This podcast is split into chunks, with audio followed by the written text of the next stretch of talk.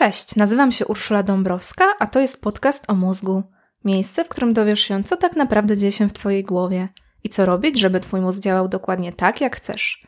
Jeśli nie zawsze, to przynajmniej częściej niż teraz.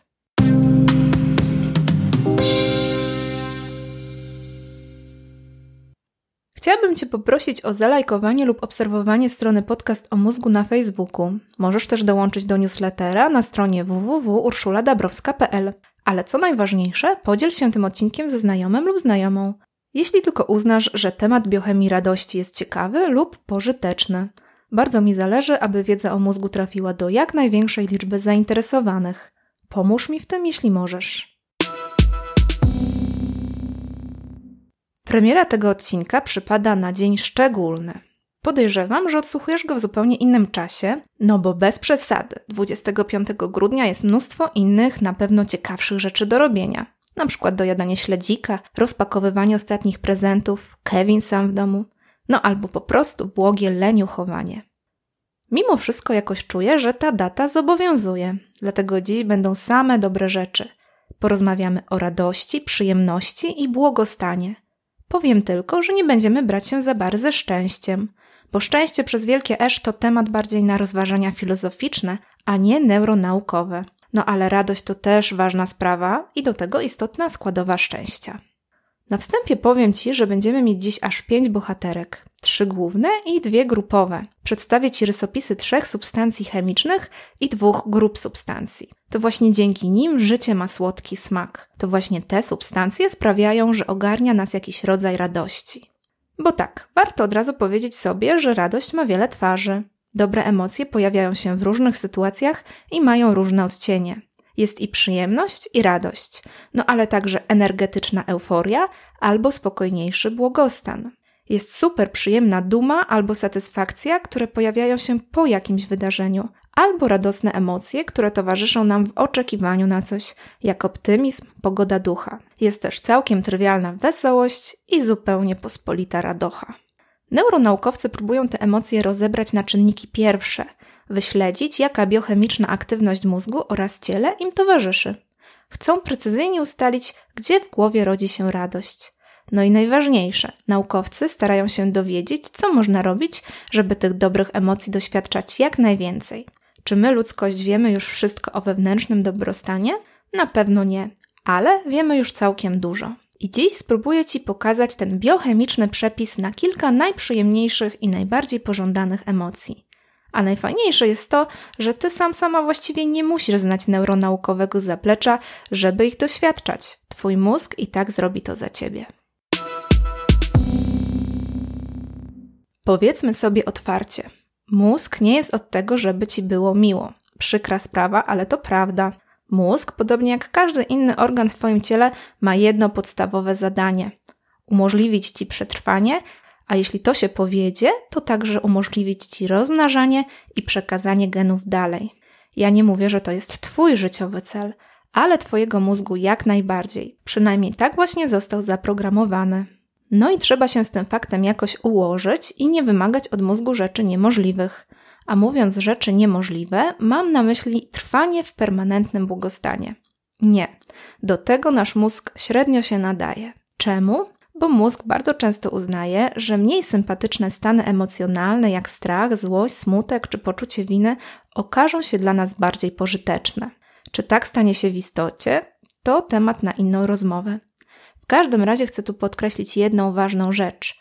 Mózg nie jest po to, żeby zapewniać ci radochę, banana na buzi i skrzydełka Red Bulla. Powiedziawszy to wszystko, trzeba dodać jeszcze jedną rzecz. Z jednej strony mózg nie jest po to, by było ci miło, ale z drugiej, i tu uwaga, uwaga, mózg mimo wszystko potrafi te wszystkie przyjemne emocje wygenerować i to robi. Więc zastanówmy się jednak, po co właściwie. Odpowiedź z punktu widzenia mózgu jest prosta. Przyjemne uczucia pojawiają się po to, żebyś był, była w stanie zauważyć i zapamiętać to, co robisz, bo mózg uznaje, że to właśnie jest dobre dla Twojego przeżycia. Wiem, mało to romantyczne, szczególnie, że mózg nie zorientował się, że już nie żyjemy w epoce kamienia łupanego albo wcześniej i daje nam pozytywne wzmocnienie w zupełnie niepotrzebnych sytuacjach.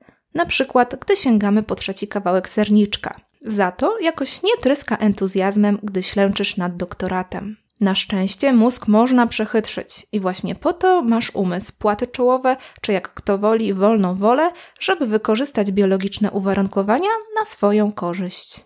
Zawsze łatwiej to robić, gdy wiemy, jak cała ta maszyneria działa. Więc już chyba czas kończyć ten rozbudowany wstęp. Przyjrzyjmy się zatem trzem cząsteczkom i dwóm grupom cząsteczek. Będą to dopamina, oksytocyna, serotonina, a także endorfiny i endokanabinoidy.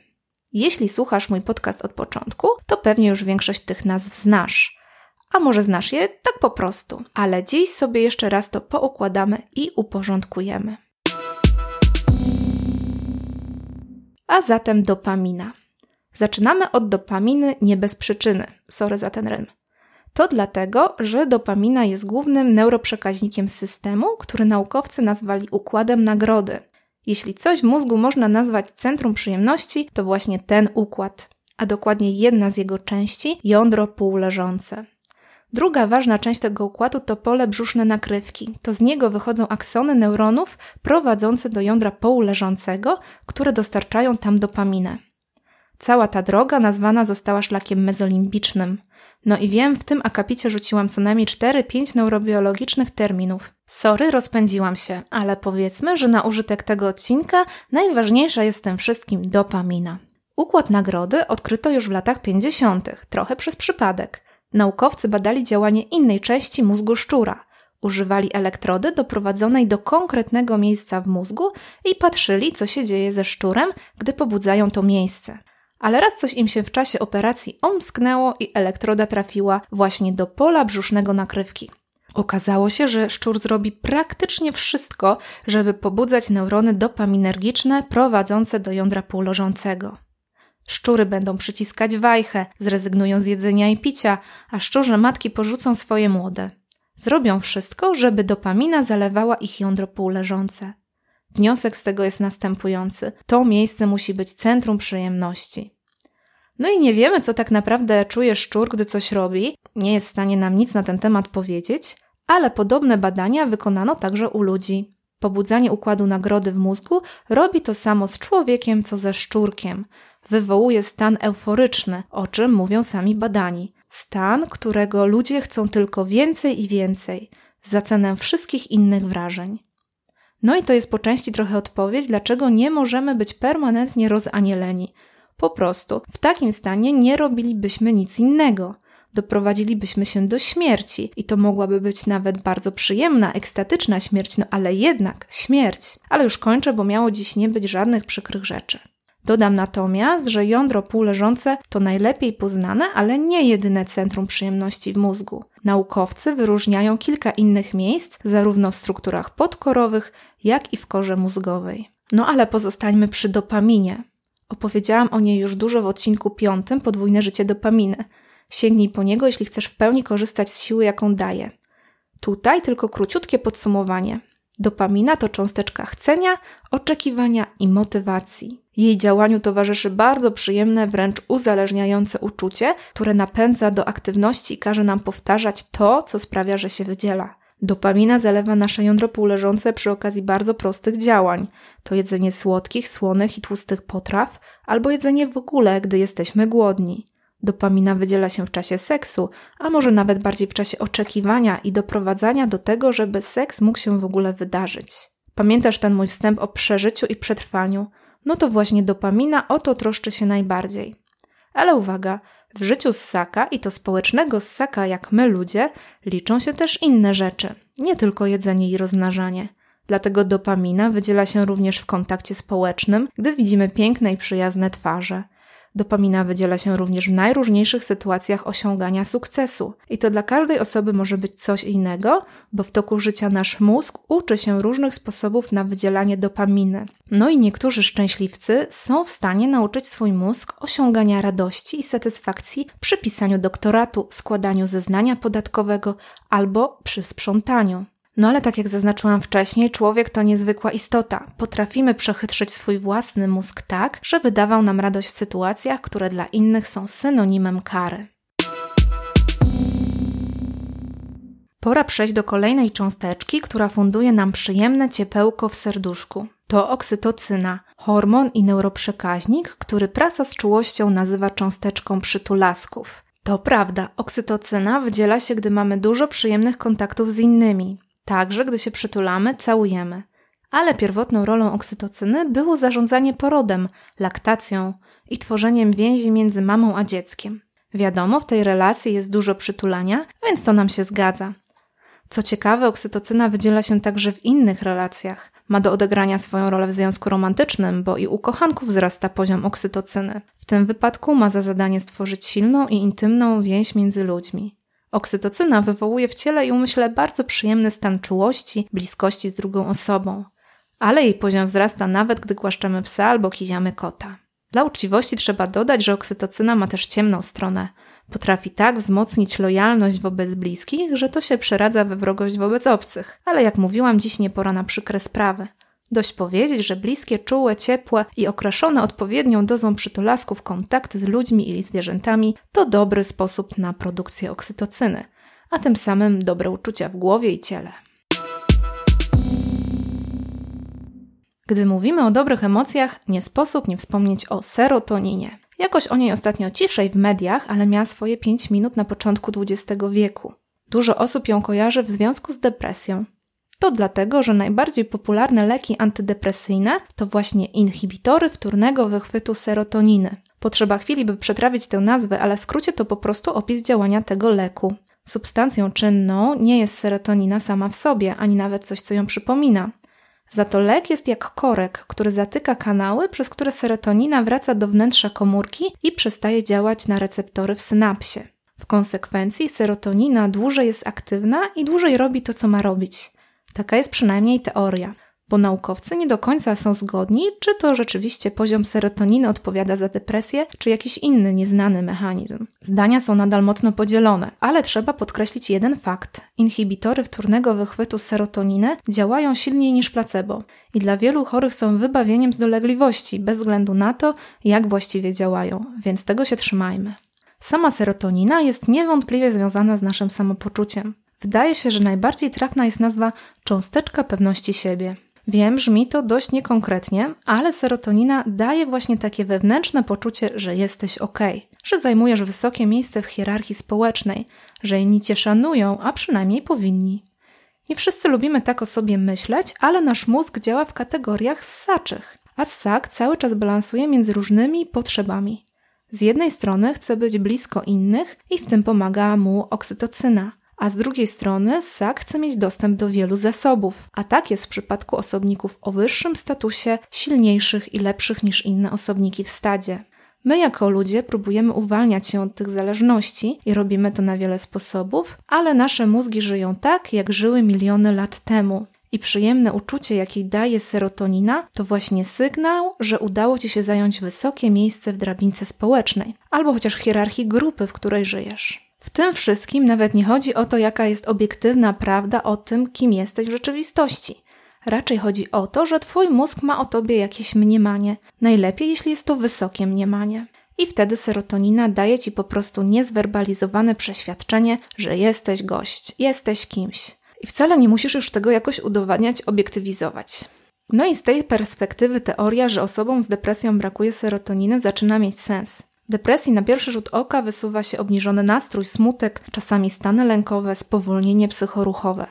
Ale bardzo często osoby cierpiące na depresję deklarują także ekstremalnie obniżone poczucie własnej wartości, poczucie winy, przeświadczenie, że są do niczego, że są nikim, czyli dokładne przeciwieństwo tego, co daje nam serotonina. Ciekawa sprawa z tą serotoniną jest taka, że najwięcej serotoniny produkujemy w trzewiach, a dokładniej w jelitach, nawet 90%. Tylko kilka procent to serotonina aktywna w mózgu. Niby ta sama cząsteczka, a jednak inne miejsce produkcji i inne miejsce działania. Naukowcy sprawdzają, czy i jak te dwa obszary działania serotoniny na siebie wpływają. Dużo dziś mówi się o wpływie mikroflory jelitowej na samopoczucie i być może działanie jelitowej serotoniny też odgrywa tu jakąś rolę, ale na konkretne wyjaśnienia musimy poczekać. No to już mamy trochę jasność, jak to jest z tymi naszymi dobrymi emocjami w mózgu i ciele. Po pierwsze dopamina, po drugie oksytocyna, a po trzecie serotonina. Ale to jeszcze nie wszystko. Teraz przyszedł czas na całą grupę cząsteczek, które nazywa się endorfinami. Myślę, że to jedna z najbardziej rozweselających substancji w ciele człowieka. Endorfiny to naprawdę świetna sprawa. Ich pierwszą podstawową rolą jest łagodzenie bólu. Wydzielają się w czasie umiarkowanego albo silnego i do tego długotrwałego wysiłku fizycznego. O endorfinach trochę już opowiadałam w odcinku o ruchu i aktywności fizycznej pod tytułem Jest ruch, jest życie. Endorfiny to naturalne opioidy. Naturalne, a właściwie endogenne, czyli wytwarzane w ciele człowieka taka nasza własna domowa morfina. A jak wiemy, morfina nie tylko powoduje ulgę od cierpienia fizycznego, ale także wprowadza w błogostan. I właśnie tak działają endorfiny. Endorfiny to hormony i neuroprzekaźniki. Innymi słowy, działają zarówno w mózgu, jak i w ciele człowieka. Łagodzą ból, wprawiają w pozytywny nastrój, a czasem doprowadzają wręcz do stanu euforii. Razem z endokanabinoidami odpowiadają za tzw. Tak high biegacza. O endokanabinoidach opowiem za chwileczkę. A teraz chciałabym jeszcze chwilę o endorfinach, bo to substancje, które dają nam naprawdę sporo radości w życiu. Endorfiny pojawiają się w różnych okolicznościach. Mój ulubiony, praktycznie niezawodny sposób na produkcję endorfin to śmiech. Taki głęboki, przeponowy, do utraty tchu najlepiej. Przyznam, że ostatnio nie mam tak dużo okazji do takiego śmiechu, bo najłatwiej mi wprawić się w taką wesołość, gdy wygłupiam się z przyjaciółmi albo rodziną, a ostatnio z tym krucho. Najbardziej lubię, kiedy od jednego drewnianego żartu do drugiego narasta we mnie i w moich bliskich taka wesołość, że już potem niewiele potrzeba, by zrywać boki. Uwielbiam to i uwielbiam, gdy przy okazji takiego śmiechu endorfiny zalewają mi gałki oczne. Polecam. Endorfiny pojawiają się też, gdy ktoś czule nas gładzi po skórze. Dobrze sprawdza się więc masaż albo przytulaski z bliskimi. W tym wypadku do gry przyłącza się poznana wcześniej oksytocyna. Endorfiny produkowane są także, gdy słuchamy pięknej melodii, napawamy się różnymi estetycznymi doznaniami, tańczymy, śpiewamy. Na koniec zostawiłam endokanabinoidy, czyli grupę cząsteczek, która jest najmniej poznana. Najpierw naukowcy odkryli, że w mózgu mamy specjalne receptory, które reagują na substancję aktywną marihuanę, znaną jako THC. Ale natura ma to do siebie, że jest bardzo oszczędna. Nie mielibyśmy takich receptorów, gdyby nasz organizm sam nie wytwarzał czegoś, co się może do nich łączyć. Tym czymś są właśnie endokanabinoidy, czyli tworzone przez organizm substancje podobne do THC. I właśnie te substancje są prawdopodobnie odpowiedzialne za haj biegacza, a także za uczucie błogostanu, który towarzyszy nam, gdy chillujemy z rodziną lub przyjaciółmi. Najbardziej znanym endokanabinoidem jest anandamid. Nazwa jest nieprzypadkowa, bo Ananda w sanskrypcie oznacza radość i błogostan. To już chyba więcej nie muszę tłumaczyć. Dodam, że system endokannabinoidowy zarządza wieloma funkcjami naszego organizmu i myślę, że w kolejnych latach dowiemy się wiele na temat działania endokannabinoidów, a także wpływu marihuany na zdrowie człowieka, lub wręcz przeciwnie, bo tu też zdania są podzielone. Na razie zostańmy przy tym, że endokannabinoidy to cząsteczki błogostanu. Jak dla mnie wystarczający powód, by myśleć o nich z czułością. No to już wiemy, przynajmniej z grubsza rozpracowaliśmy biochemię radości. Jasne, nie chodzi o to, żeby cały czas chodzić w skowronkach. Inne emocje i stany emocjonalne też są potrzebne. Ale tak w okolicach 25 grudnia myślę, że dobrze, gdy radość wypełnia nasze domy, a biochemia radości nasze mózgi. Na koniec zrobimy szybkie podsumowanie z krótkim poradnikiem, jak mieć tych dobrych, przyjemnych uczuć więcej. Po pierwsze, dopamina, nasza cząsteczka dążenia i osiągania. Może okres okołoświąteczny nie jest najlepszy, żeby sobie wyznaczać cele i deadline. To zostawmy na nowy rok. Ale w czasie świąt nie musisz też szczególnie martwić się o dopaminę, bo na pewno i tak się pojawia, choćby przy jedzeniu tortu makowego albo przy rozpakowywaniu prezentów. Po drugie, oksytocyna, hormon bliskości i przytulania. Dla mnie to zdecydowanie świąteczna cząsteczka. Pojawia się przy świątecznych wymianach uścisków i życzeń, szczególnie gdy to dotyczy najbliższej rodziny i przyjaciół. No i chyba nie muszę dodawać, że chodzi o takie prawdziwie serdeczne uściski, a nie te wymuszone, kurtuazyjne. Wiadomo, chodzi o bliskość, zaufanie, wzajemną życzliwość, a nie to, co wypada czy nie wypada. Po trzecie, serotonina, czyli cząsteczka poczucia własnej wartości, a także pewnej dominacji nad innymi. Z tym hormonem nie będzie łatwo, bo święta to nie czas na budowanie prestiżu. Przynajmniej ja jakoś tego tak nie widzę ale za to widzę kilka innych sposobów na produkcję serotoniny bez zbytniego zapędzania się w konkurencję i wyścigi. Jasne, możesz próbować zrobić najlepsze święta na dzielni albo najlepszą dekorację swojej haciendy, ale spokojnie nie musisz. Wiem też, że czasem święta potrafią działać dokładnie w przeciwnym kierunku. Mogą wręcz stołować, gdy włącza się porównywanie, komu co w tym roku poszło, kto ma nowy samochód, a kto jeszcze się nie ustatkował i tak. Mam nadzieję, że takie klimaty ci nie dokuczają, bo serotonina będzie dołować razem z twoim samopoczuciem. Ale spoko, znajdź swoją sekretną broń, poszukaj poczucia własnej wartości tam, gdzie wiesz, że wymiatasz. To ty wybierasz konkurencję i zawody, w których chcesz wystartować, więc wybieraj takie, gdzie wiesz, że wylądujesz na podium. Po czwarte, endorfiny. Nie wiem, czy namówię cię święta na aktywność fizyczną. Jeśli tak, to endorfiny będą na bank. Ale na szczęście nie musisz wychodzić spod kocyka, żeby też się pojawiły. Wesołe pogaduszki z rodziną, dobre jedzonko, wspólne śpiewanie kolęd, no i dużo, dużo śmiechu. Będzie super, obiecuję.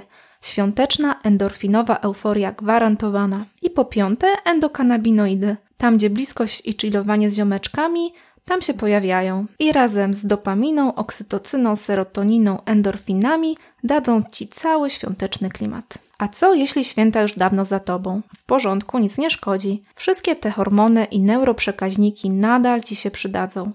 Biochemia radości działa w ten sam sposób przez cały rok.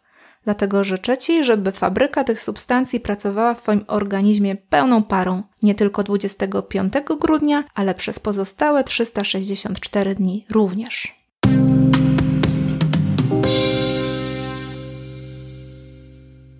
Dziękuję Ci za wysłuchanie tego odcinka. Jeśli chcesz więcej informacji na mój temat, zapraszam Cię na stronę www.urszuladabrowska.pl. Znajdziesz tam mojego bloga oraz opisy moich książek. Zapisz się do newslettera, a informacje o nowych odcinkach będą wpadać prosto na Twoją skrzynkę mailową. Podcast o mózgu jest także na Facebooku. Zapraszam do polubienia strony i kontaktu. Tymczasem do usłyszenia. Dobrego dnia, dobrej nocy. Ula.